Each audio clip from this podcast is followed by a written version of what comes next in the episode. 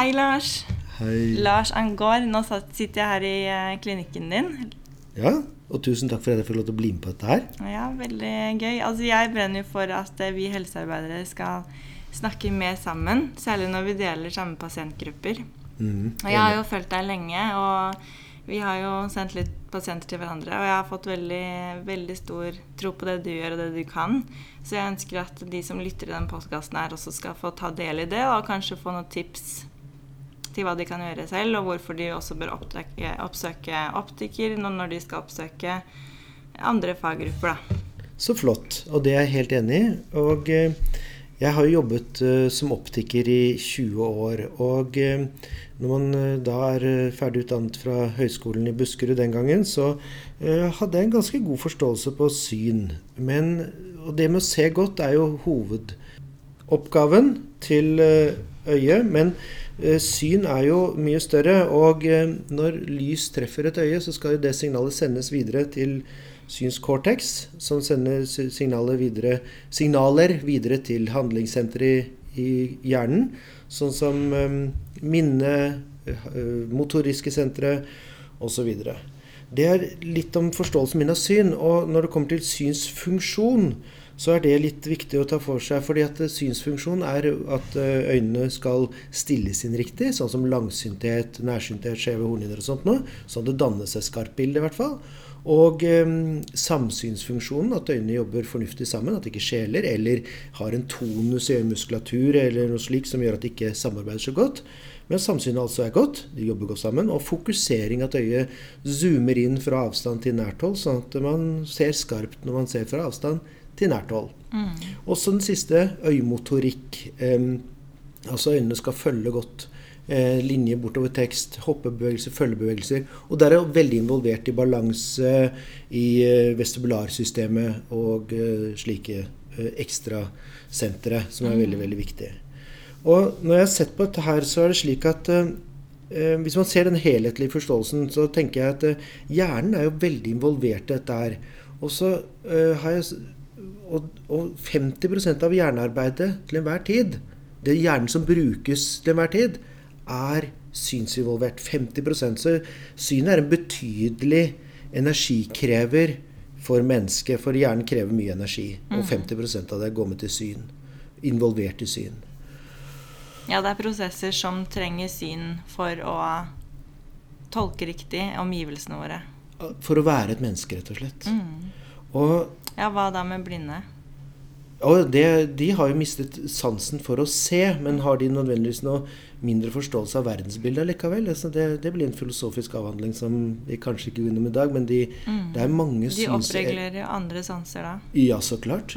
Og Det vet man jo, at disse er eh, sensitive mye bedre på hørsel og følelighet enn mm. andre mennesker. Så det er jo veldig fantastisk. Hjernen er utrolig eh, Formbar. Ja, den er altså, jeg er nesten gåsehud.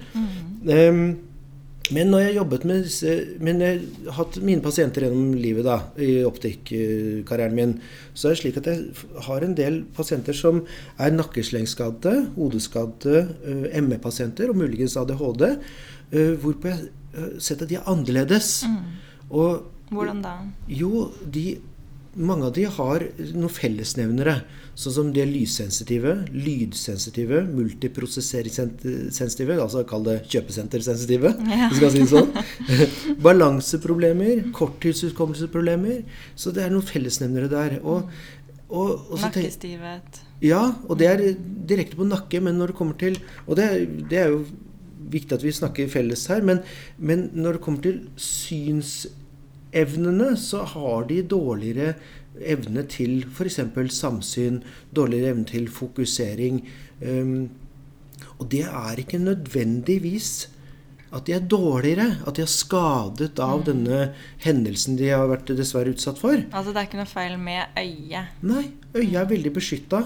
Og, øh, og hjernenervene som styrer øyet, øh, sånn som synsnervene, de er også veldig beskytta. Sånn du kan jo tenke til rett og slett at får du en nakkesleng, så vil du ikke få noe feil på øyet. Men det er det at synet fungerer litt annerledes.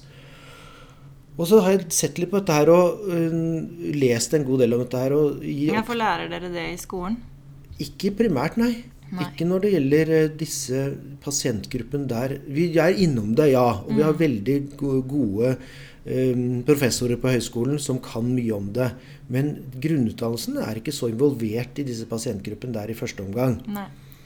Og så må, så må, for Man må først se på disse funksjonene, og så se er, hvorfor disse funksjonene, synsfunksjonene, samsyn, fokusånd, ikke er så på stell hos disse pasientene. Og da begynte jeg å lete litt i litteraturen og så litt på optisk litteratur. Og det sto ikke så all verdens der. Det sto noen symptomer og sånn, ja, men det sto ikke så veldig mye. Så begynte jeg å lete litt i andre litteratur, som nevrologi, smertelitteratur, nakkeslingslitteratur, for det er ganske bra litteratur der ute Ja. i foreningene rundt omkring, og studier. Og så viser det seg der dukker opp uh, synsgreier. Mm.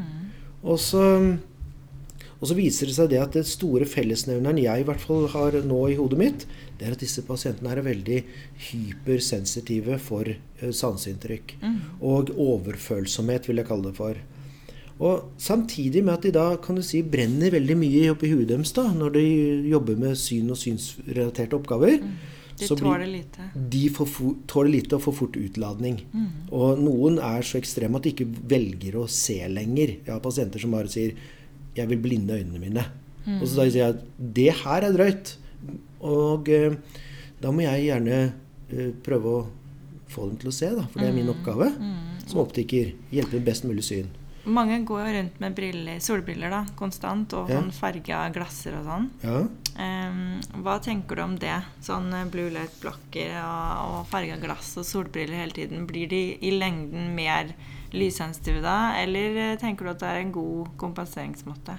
Det er et fantastisk spørsmål fordi at uh, nummer én Når det kommer til en person med sterk lyssensitivitet i bl.a. denne pasientgruppen her, det kan være andre også med patologisk årsak, store pupiller, feil med pupillerefleksen eller uh, en mangel av iris osv. Albinismer og sånt noe. Men, så, sånn vi kan ha en patologisk årsak, men vi kan også ha disse funksjonelle årsakene, sånn som eh, innenfor whiplash og den biten der. Um, så er det slik at eh, disse pasientene der med, kan tilrettelegges med filterglass, altså solbriller. Altså hjelpe dem å skjerme solen. Det er greit.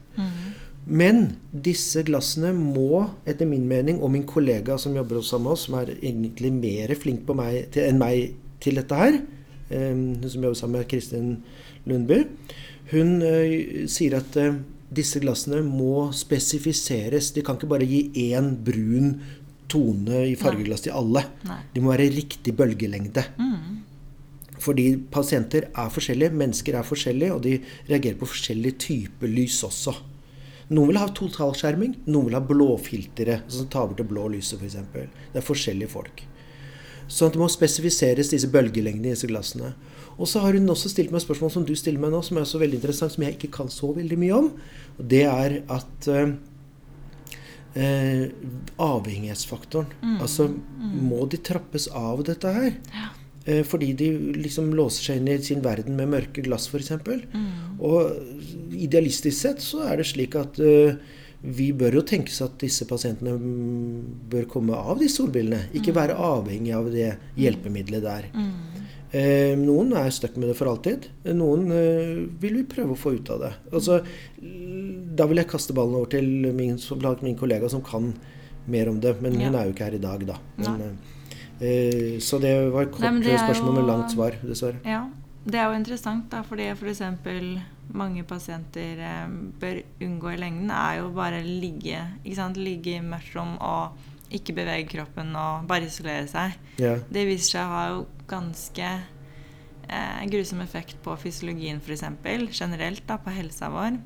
Så jeg lurer på om ja, det hadde vært interessant å gjort et studie på det. Yeah. Om man blir faktisk mer lyssensitiv i lengden da. Ja, jeg vet ikke. Nei. Men eh, det som jeg tenker i hvert fall på disse pasientene her, er å ha en holdning av ja, du har en skittig deal, du har det vondt, Mm. men Og det forstår jeg når man sier, snakker med pasientene. Det sier jeg. Jeg vet at du har det vondt, men vi må opp og frem. Ikke sant? Ja. Og du kan bruke de nå under terapien, og så skal vi prøve å gjøre andre ting, sånn at du kan trappe ned. da. Akkurat som med smertelindrende medisiner. Så er det sånn Ok, vi, må, vi bruker de nå midlertidig, men det er ikke noe god løsning i lengden. Nei. Og det vil jo de være enig i, pasientene, for de vil også sette seg til at de, ja, jeg vil ikke være her. Mm. Jeg vil være fåtall av de pasientene tror jeg, som liker den situasjonen de er i. Mm. Så de vil jo vil ønske forbedring, helt klart. Mm. Avhengig av grad av ø, utfall de har, fordi det er mange som har det veldig veldig vanskelig. Men, men som sagt, ja, vi må tenke opp og frem. Mm. Eh, Men eh, dette er litt med tiltakene, og det vil jeg gjerne snakke litt om til slutt. Ja. Eh, Men før det så vil jeg gjerne snakke litt om hvordan jeg tenker syn. ja. Ja. Fordi at når vi snakket om det med Vil en øye skades under en sånn uh, traumatisk hendelse, sånn nakkesleng, hodeskade, eh, eller et Oftest nei. Eh, Ja, det vil jeg påstå. Eh, jeg vil egentlig si nei konkret. jeg. Mm. Eh, Men så viser det seg at enkel litteratur sier at det er også skade mot øyefunksjon. Men, det, men hvis vi ser for oss normalfunksjon, altså at pasienten var normal i øyefunksjonen og syn før skaden Og hva skjer da ved skade? Vil normale synsevner bli vanskelige? Og svaret er ja. Og den spesielle er fokuseringsevnen. Den, det med å zoome inn fra avstand til nært hold. Nå må vi huske at eh, folk på rundt 45 år får dårligere fokuseringsevne med alder. Så vi må ta hensyn til at alderen gir dårlig fokusering. Men um, så de, man kommer i lesebrillealderen, rett og slett. Og hvis man er da um, si skadet i en ulykke f.eks., så vil jo, uh, vil jo dette også absolutt må ta hensyn til den normale Jo. funksjonen. Men si at det kommer inn en 28-åring, da. Ikke sant? Og der forventer vi ganske normal fokuseringsevne. Vel å merke så er jeg litt sånn nerdete på det også. Det vil si at fokuseringsevnen blir gradvis dårligere gjennom hele livet. Det er ikke bare 45 at det slår til. Nei. Nei, den blir dårligere gjennom hele livet. Det er bare ved 45 at da er funksjonen så dårlig at du må ha lesebriller. Det er det, det den alderen man kommer i. Men det er halvparten av fokuseringsevnen fra 10 til 20 år. Så man taper halvparten av fokuseringsevnen fra man er 10 til 20 år. Så det er liksom ikke noe eh, Dette er jo oppe og avgjort, men, men å drive fokuseringsevnen er vanskeligere fordi at fokuseringsevnen er sterkt symptomatisk hos alle mennesker. Eh, og når fokuseringsevnen ikke er i dus, med normal eh, oppførsel, holdt jeg på å si eh, Nei, det blir litt feil, men at den er vanskelig å drive pga. veldig sensorisk, så blir den dobbelt så sensorisk for disse pasientene her. Sånn at det mm. kunne fokusere inn på lesing Og det har du merket med dine pasienter. Altså når de kommer i rehabilitering, så liker de ikke å lese. De Nei. liker ikke å se på mobilen. Og hva er det som skjer der i forhold til det å se f.eks. ut av vinduet? Ja. Det skjer en fokuseringsevneforskjell, og det skjer en samsynsposisjonsevneforskjell. At øynene må gå sammen Ja. sant? for å fokusere ned og på det som er nærme. ja, det er de to store synsevnene. Man må zoome inn, og man må trekke øynene innover. Men før vi snakker om den spesielle pasientgruppa, er det noe økning i det her konvergensspasmene? Eller det at øynene må hele tiden gå sammen, da? Nå når vi er innafor husets vegger så mye og ser så mye på skjerm, er, har det blitt noe økning generelt i dårlig evne der? Altså må folk begynne tidligere med briller? Nei, ikke tidligere med briller. Hvis vi tenker nå på samsynspunktet, altså det med å kunne samle øynene fornuftig inn mot et fikseringspunkt på nært hold. Det er sånn som jeg tenker, at øynene må flytte seg fra avstand og innover til et punkt man ser på på nært hold. Så er det slik at eh, de tverrstripede musklene som drar øynene innover til nært hold, de er ganske sterke og ganske utholdende. Så de tåler ofte å jobbe lenge med nært hold. Men hva skjer i den posisjonen over lengre tid allikevel? Jo, fleksibiliteten går ned. Ja. Det vil si at når jeg måler disse evnene på nært hold, så har de ikke noe problem med å samle øynene på nært hold, som regel. Nei. Men det er det med at de, de, de Hvis du tenker at du står i hockeystilling eh, lenge, så blir beina stivere. Det er ikke noe problem å stå i hockey, men du greier ikke å rette deg opp så fort. Og den, den fleksibiliteten i øyeposisjonsendring, den har jeg sett som en mønster, spesielt de siste par-tre årene. At den evnen der er særdeles redusert. Og det er ikke bare jeg som sier det. Til å ta øynene ut igjen fort. Ja. For å slappe av, på en måte. Mm, det måtte, det måtte disse tverrstippede muskulaturen stivne litt i den posisjonen der. Ja. Man kan jo kaste baller på det med hvordan utvikler synet seg videre da? Vil øynene tilpasse seg mer nært hold? Eh, ja, kanskje. Og i verdensbildet, spesielt i Asia, så ser vi en sterk grad av nærsyntøkning. Ja. Kommer det av eh, samsynet? Nei, det er pga. kanskje fokuseringsevneforskjellen. At de har statisk eh, fokusering og det som heter defokus i perifersynet. Det er en litt annen sak. Men man ser konsekvenser av nærthold som kan være større enn bare det å stivne i tverrstippermuskulatur på nærthold. Ja. Men som jeg pleier å si, ikke forlenge nettbrett, mobil og lesing jeg sa lesing også, over lengre tid. Skaff fleksibilitet. Gå ut og beveg deg i trærne. Hopp opp på fotballbanen. Spill ballsport, bordtennis, tennis. øh, svømming. Altså så enkelt som det. Koordinering, kroppsfunksjoner. Få bevegd kroppen. Det Ah, er veldig det er viktig. så musikk i mine ører. det kunne jeg tenke meg. Det er det, Ja. altså. Mhm. Så, men hva anbefaler du da til liksom, barn under tolv år? Jeg var på et foredrag på en professor en gang fra Canada. og Han sa at barn skal maks drive med 25 minutter med iPad hver dag. Maks. Og jeg bare Var jeg den eneste som hørte dette her i salen, eller? 25 minutter? Det blåser ut til frokost, liksom. Det er, Ja. Og det gjør voksne òg. Ja, like for de har jo barn. Ja, voksne. Vi er jo like ille. Like ille, men problemet er at vi har ikke fokus på voksne. Vi bryr oss ikke så mye om voksne fordi vi er ferdig utdanna. Mm. Vi har jobb, eller vi sitter i fengsel, ingen Vi er ferdig forma. Men det er barna som må få en best mulig eh, tilretteleggelse for fremtiden. Og Det er derfor vi har fokus på barn. Mm. Men blir det ikke, er det ikke også i utvikling? Så det er jo viktig jo. At, Jo, jo. at en utvikling skjer riktig òg. Ja, så klart. Mm. Og som gjentar, jeg tror ikke 25 minutter er reelt, men, men husk ordet fleksibilitet. Ja, at man varierer, tar pauser. Ja. Tar Ta pauser, varierer. Um, eh, driver med i hvert fall noe fornuftig i forbindelse med det. Kanskje litt uh, lesing istedenfor iPaden. Men det er liksom, jeg skjønner det at uh, Fokus er mye på nakke og eh, posisjoner barn sitter i. De får Ja. dårlige posisjoner. så Det- mye mer plager nå blant barn. Ja. Muskel-skjelettplager enn det det burde være. Ikke sant? Og, og, og fokuset har ikke Og jeg bruker ordet fokus, for det er litt innover mitt fag. Da. men fokuset er ikke så mye på øynene egentlig på forbindelse med dette her, men jeg ser at funksjonaliteten sliter på dette her. Og det samme rådet går igjen. Rett opp, da. Kom deg litt ut. Begynn å slåss med lillebroren din. Det er bedre enn å sitte på iPaden. Gå ut og sleng deg i trærne. Vær litt ape. Det er, det er mye sunnere for disse to øynene enn å sitte statisk og sånn. Ja, og da kommer vi tilbake til det derre med de her um, whiplash- og hjernerystelsespasientene. Ja, ja. Altså, når det ikke er noe galt med øyet, da er det jo resten av prosesseringsevnen i hjernen som Ja. vi heller må fokusere på. da. Helt klart. Og hva, hva tenker du der da? Eh, ja, kan jeg få lov til å la den henge litt i lufta? For jeg har lyst til å snakke om de anormale øynene også. Ja, Ja. gjør det. Så hvis man før denne skaden f.eks.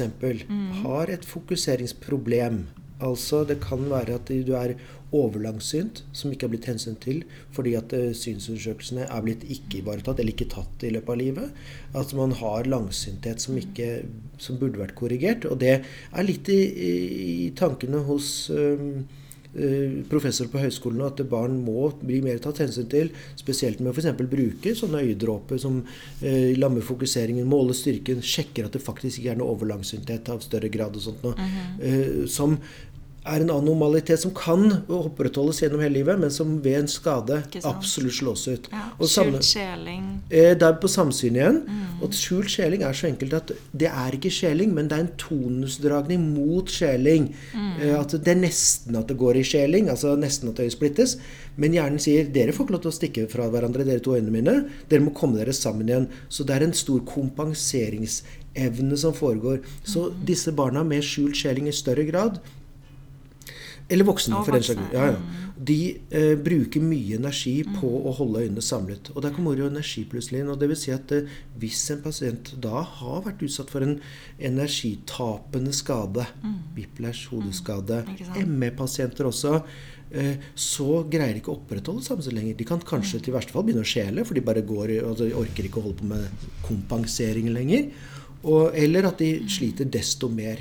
Og det er jo et godt poeng at du sier at eh, vi vet jo ikke Når en pasient kommer inn, så vet vi ikke alltid om det vi ser nå, er direkte årsak da, av ja. traumen, eller om det er bare en svakhet de har hatt som kommer ut. Ikke sant? Og vi trenger mer forskning på hva er det som skjer under en skade, da.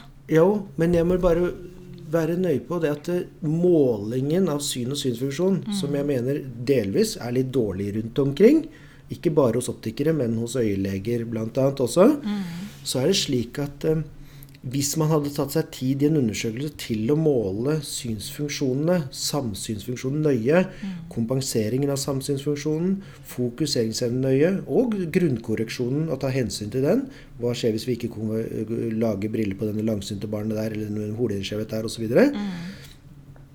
så øh, vil øh, øh, Så er det Målingene er tydelige. Det er Du kan måle det. Altså, og, og en, en skjult skjeling, vi kaller det bare sånn flåsete sagt nå 10-15 dioptrier, som det så fint heter, det er målbart. Ja. Så det kommer ikke etter en operasjon Nei, en, etter en hendelse. Du blir ikke skjelende etter med mindre du får en hjerneslag da, i, en, Ja. i en skade. Da skjeler du kanskje for du skader hjernenerven. Men igjen, det må det beskytte, som vi snakket om i sted. Mm. De aller fleste. Men så dette så Du vet på forhånd at dette her dukker ikke opp. Nei. Nei. Det, det, det, er ikke sjans at du plutselig blir langsynt etter en ulykke, liksom. Det dukket ikke opp. Men um, f.eks. det at du kan bli dårligere på de funksjonelle delene, Ja. da, det, det er jo ganske reelt. Og det har vi jo sett i litteraturen nå. At Ja. du, kan, du kan få tregere raske øyebevegelser eller Ja. dårligere følgebevegelser Ja. osv. Helt klart. Helt klart. Og det som er forskjellen med anormale funn og normale funn før en ulykke, og hva som skjer etterpå, det er to ting. Det ene er at de så anormale de får større synsproblemer, så klart, fordi de slår ut mer. Og behandlingen på det anormale, altså de som har problemer med øynene fra før av, da blir behandlingsmåten vanskeligere og tyngre for pasienten. Fordi at disse anormale tingene de må rettes opp først, og så må man gå på og få personen opp og går. Og, og det er en vanskelig situasjon hvis de ikke er blitt hensyntatt først. Og de får en større smell da, hvis de i hvert fall ikke har blitt tatt hensyn til før i det hele tatt. Så hvordan er det du behandler de her? Jo, for det første så må man tenke det enkleste. Og det om at uansett anormal eller normal, så må man tenke på fokusering eller akkommodasjon, som det fint heter. Den må tilrettelegges. For jeg sa at akkommodasjon er symptomatisk, og er den mest symptomatiske av ø, synsevnene hos vanlige og andre mennesker med anormal funksjon. Det vil si at eh, fokuseringsevnen må tilvaretas. Og det betyr at det er eh, dessverre slik at jeg må si briller. Altså, Menneskene må da ha på seg noen briller til å lese med på nært hold, eller hvis de har ekstra langsynhet på avstand, må bruke det. Eller de nærsynte, de bare orker ikke å se uklart lenger, vil ha det skarpere f.eks. eksempel. En ø, god korreksjonsmåling må gjøres. Og den korreksjonen må ikke bare dras opp liksom noe er bra, da blir det mye bedre. Men man må tune inn akkurat det som den pasienten føler er riktig. Det er en kunst. Okay. Fordi la oss si at en pasient krever pluss to, da. Lesingbrille pluss to. Men er det det den personen vil like? Den er ikke vant til å bruke det i det hele tatt. Kanskje vi må begynne med pluss én og si Vet du hva? Med tydelig informasjon så er det slik at sier jeg til pasienten så er det nå å gi litt mindre, for at du blir ikke så uvant for det. Så får vi heller bygge opp etter hvert. Eh, må bytte glass. eh, dyrere, ja. Men det er bare tydelig informasjon at hvis jeg gir deg full guff med en gang, så er sannsynligheten stor for at du kommer til å kaste fra de brillene. I verste fall spy, liksom. Fordi du, du er så sensitiv. Du orker ikke forandringer. Disse menneskene her liker jo ikke forandringer, så vi må bygge stein for stein. sånn at det er liksom noe med at du bygger litt av gangen. Sånn at eh, fokuseringsevnen, primært sett, lese- eller brillebruk. Ok, Det er første steg. Ja. Så er det neste er jo da med trening Eller nei, nå går vi til samsyn. Samsyn kan avlastes litt med noe som heter prismeglass, som flytter litt på samsynet. Jeg bruker det, men Men jeg er ikke syns du det blir brukt litt for mye? Eller sånn eh, Det er en veldig viktig diskusjon. mm, Ja. Fordi at noen ganger så kan vel disse her tingene trenes, da. med med vestibulærrehabilitering og andre ting. ja, helt riktig. Mm. Og synstrening kontra prismekorreksjon, det må vi tenke litt på. Mm. Man må kunne de to tingene for å behandle de to tingene, syns jeg. Mell å merke når det kommer til kroppslig trening og nakketrening og vestibulærtrening, sånn som du driver med, så er jeg stor fan av det. Fantastisk.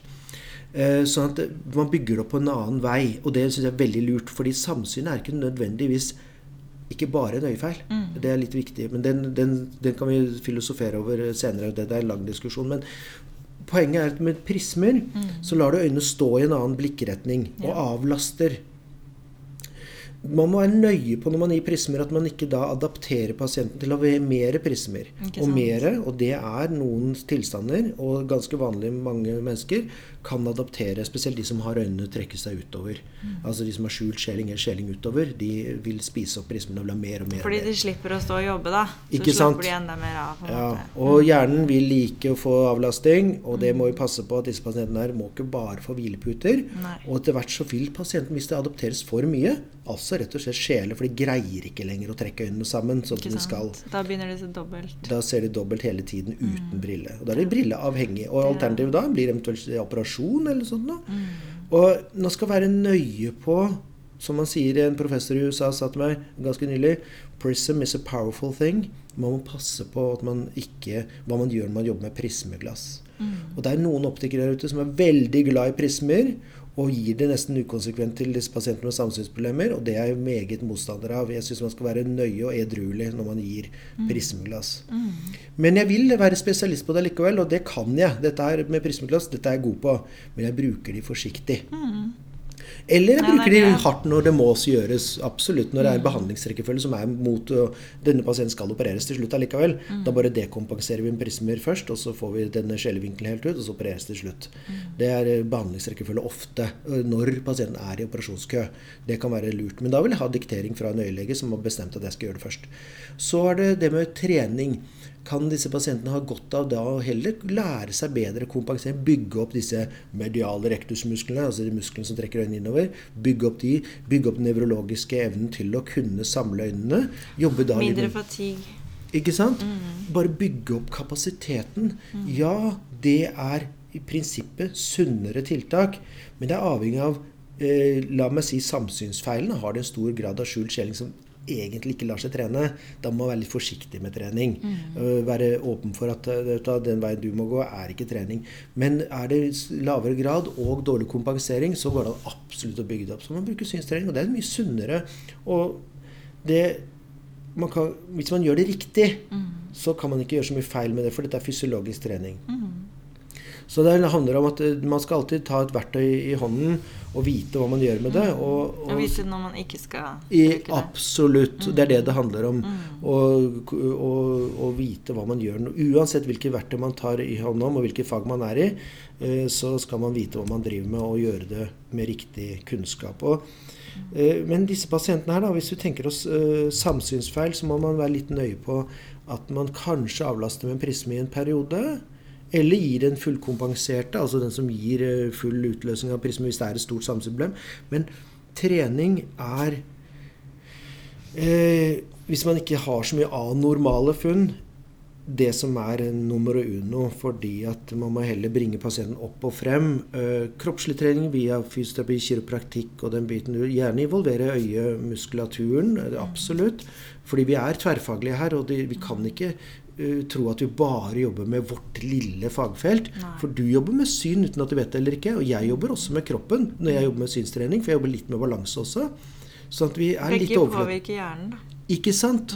Og hvis man har forståelse på hva man driver med, og man ser at uh, Thea, du vet mer om uh, nakkeposisjoner, kroppsledd og muskulær enn det jeg kan. Absolutt. Og jeg kan litt mer enn deg om syn, vil jeg tro. Jo. jo da! Nei da. Så, så er det slik at den overlappen der eh, hvis vi kan benytte begge to på en pasient, da snakker vi rehabilitering. Ikke sant? Ah, Men pasienten må jo informeres og ha kapasitet og tid og alt sammen. Så det handler om kommunikasjon med pasienten, absolutt. For idealistisk sett så kunne vi jo hatt en sånn eh, fin klinikk hvor vi bare kjørte pasienten fra A til Å gjennom to års praktikk og sånt noe. Men det er ikke det som i prinsippet nødvendigvis fungerer for den pasienten. Kanskje ikke den er oppe Noen pasienter kan ikke vi hjelpe uansett. Det må vi også ta hensyn til. Det er noen som har det som bare sånn Vet du hva, dette går ikke. Liksom, det er Og det er jo dessverre også økonomiske begrensninger, da. I så absolutt. Og trening er kostbart for pasienten. Og til og med hvis denne pasienten da har 100 sykemelding, da, da er det ikke liksom lottovinnere alle sammen. ikke sant? Sånn at det, da Men må det man veie er opp eh, så viktig å ha de samtalene her, da. Så, Ja. Mellom faggrupper. Ja. og for å få det beste til for pasienten. Mhm. Ja. Når vi trener, bare litt sånn avsporing på det, så er det slik at eh, jeg vil bare si at eh, disse pasientene er ikke de som tåler mest. Eh, og man må tenke på at man må lytte til pasienten. Og når det kommer til synstrening, så er det mye, og det gjelder sikkert din faggren også, det med identifikasjon. Hvordan, for det er mange som ikke kan vite åssen øyet er. De fleste mennesker vet veldig lite om syn. Men hvordan er det det kjennes f.eks. når jeg fokuserer? Kan jeg fokusere nærme? Hvordan er det? Liksom, og hvordan er det med samsyn? Med greie å samle øynene? Hvordan føles det? Å ja, det var ubehagelig. Ok, da trykker vi på en nerve der. Den må vi jobbe litt mer med, mm. føler jeg da. Mm. Så det er liksom lytte og gjøre tilrettelagt trening. Vi kan ikke kjøre tre, nei, alle gjennom samme nei. valsen. Nei. Det går ikke. Dette er individuell behandling. Mm. Og det krever ganske mye uh, både for oss som er terapeuter, fordi det er uh, ganske mm. vanskelig å sette seg inn i en person. Og så hele tiden være personlig oppfølger. Det blir veldig personlig i våre fag noen mm. ganger. Noen ganger veldig slitsomt, men mm. sånn mm. men, ja. du, må, du, må, elske yrket ditt. Må det. Kan, og det, Noen ganger så kommer ikke det bare av læring, men det kommer av personen også. Så noen er skapt for å være flinke mennesker mot andre mennesker. Og det er også en kunst. Noen ganger har jeg revet med hodet at det, denne personen pasienten jeg jobber med, greier jeg ikke, f.eks. Eller motsatt. Mm. Pasienten syns jeg er litt sånn kjip, f.eks. Men mm. de aller fleste ja. tilfellene så tror jeg at man med litt jobb også jobber godt med mennesker, mm. er viktig. Og, og, og, så er det det med compliance, altså til etterleving av regler osv. Det er sånn at når man har en trening og man ser at pasienten ikke har så mye treningsvillighet av mange forskjellige årsaker, hvordan gjør vi det da? Jo, jeg mm. tenker da må vi kutte ned på øvelse, men få de mest effektive øvelsen inn. Mm. Finne nerven. Mm. Hvor er det ubehagelig? Jobbe litt med den hver dag. Og spesielt med barn så er det jo Da er det veldig nyttig å komme. Mm. Ikke sant? Og ikke gi altfor mye hjemme, føler jeg. Fordi, at, ja. fordi foreldrene har nok med det de skal komme gjennom ja. fra før. da ja. Enn at de også skal gjøre fire-fem forskjellige øvelser hver dag. Ja. Mm. Ja, det er klart. Altså, når man jobber med synstrening, spesielt for, med barn, mm. så er det slik at det er foreldrene man jobber med. Mm. Ja, For de må jo veilede, og de må ta seg tid til dette. De har hatt en tung arbeidsdag. Mm. Respekt for at tidsklemma er vanskelig. Og, så skal de jobbe med barna i tillegg til at de ikke liker å gjøre lekser. Så skal de gjøre en lekse til, som vi gitt dem, på en måte. Mm. Så blir det jo sånn at vi må jobbe med foreldrene også. Og jeg gir de som greier å fullføre synstreningsopplegg hos meg f.eks., har stor respekt for det. Altså. Det er, eh, det er, eh, det er ikke lett. Mm. Nei. Men jeg vil gjerne få si noe positivt. da. Mm. Det er at eh, hvis man tenker seg disse menneskene som har hatt en ulykke, eller har ME f.eks., mm. så er det slik at det går an å tenke seg at det er noen synsrelaterte ting der ute, og det er noen uh, kiropraktorer der ute som eh, er villige til å se på om det kan forbedres. Mm. For det er mange mennesker der ute som bare får bedt om å slukke lyset og trekke seg under mm, dyna. og det er mennesker som har reelle problemer. Mm. Ikke nødvendigvis fysiologiske feil. Altså det, jo, kanskje nakken har kommet litt i en dysfunksjon, men øynene er friske. Mm. Og da har det likevel synsrelaterte problemer. Mm. What? Ikke sant? Mm. Da er det ikke helt grei, henger ikke helt på greip når øya er friske.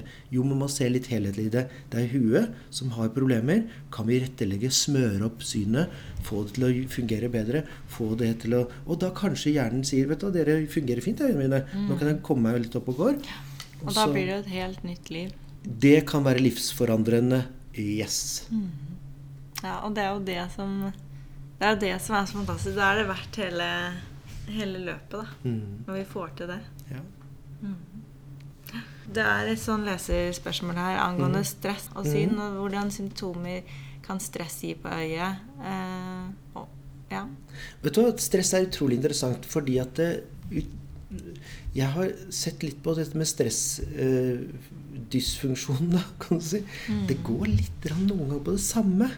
Og det er litt, eh, litt, litt sånn brannfakkel at disse pasientene kan få en slags eh, knekk hvorpå de ikke greier å funksjonelt eh, være så aktive som de var før.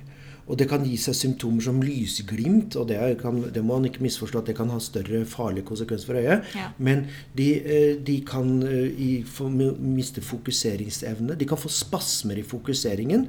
Og det ser vi relativt ofte på hardtarbeidende mennesker i rundt 45-årsalderen som ikke har tatt hensyn til den aldersrelaterte normalreduksjonen. Og det var tungt ord. Dvs. Si fokuserings-lesebrillealderen. De har ikke brydd seg om å bruke lesebriller, men jobber heller åtte timer foran dataen. Og så klikker øynene i en spasmetilstand, hvorpå de har store problemer bare rett og slett med å se på nært hold. Får veldig ubehag plutselig med dataskjerm, sykemeldinger og alt mulig rart.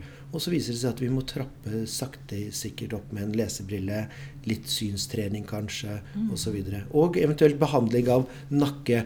Fordi at eh, nå har jeg ikke jeg så mye kunnskap om nakke, men det har jo du veldig god kunnskap om. Men det som er sikkert, det er at spenninger i nakkefunksjon, i muskulaturer rundt uh, nakkeområdet, går direkte inn på fokuseringsevnen, og motsatt.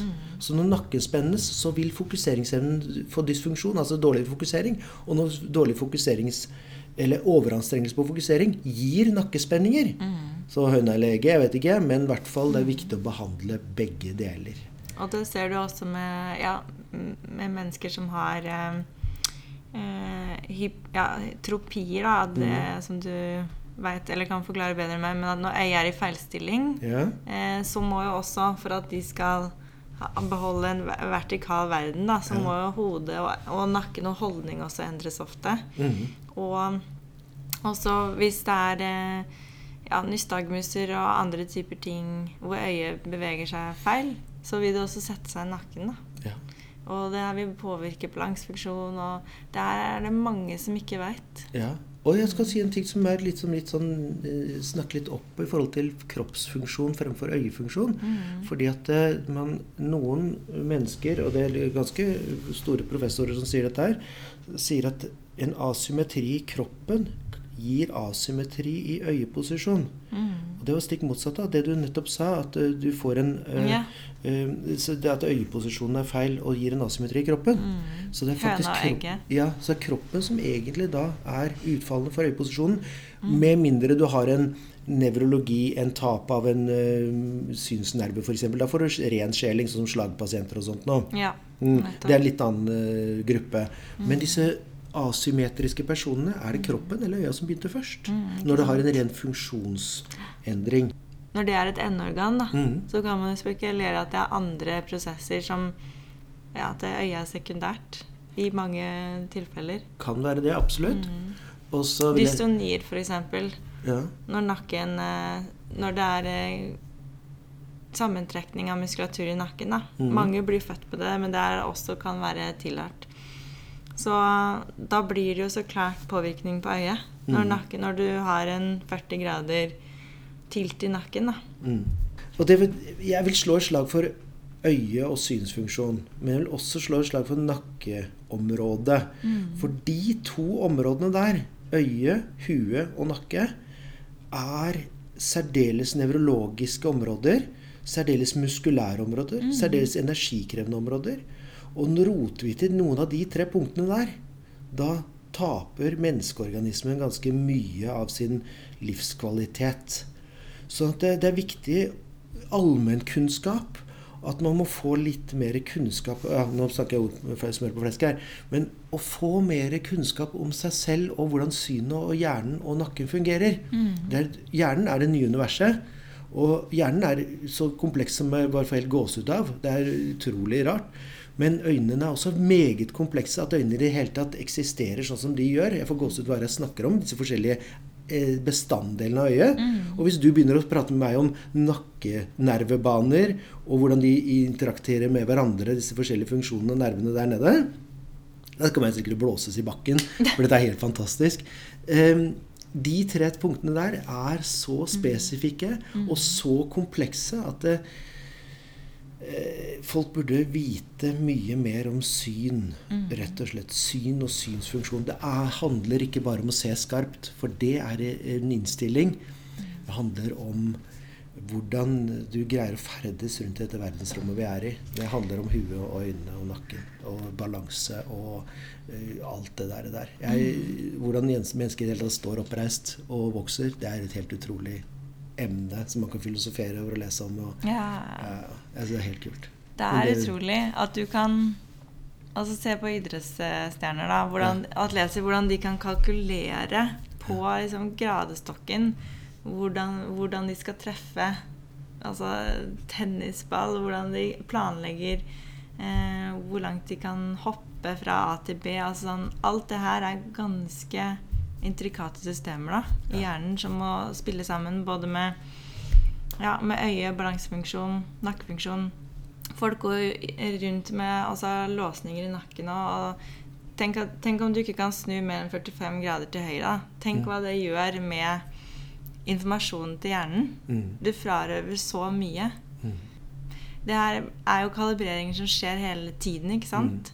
Eh, mellom balanseorganet, øye og nakken. Og hvis, hvis det blir noe mismatch her, da, Mm.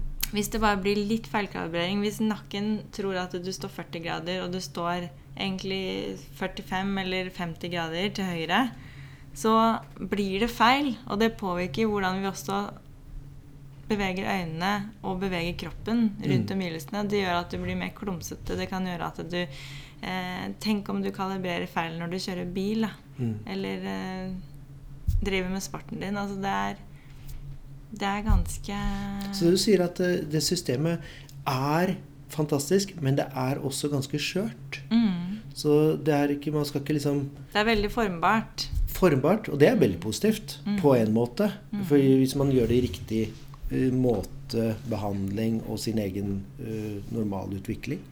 Ja. Hvor kan folk finne deg egentlig? Hvis de, Jo, hvor sånn- holder du til?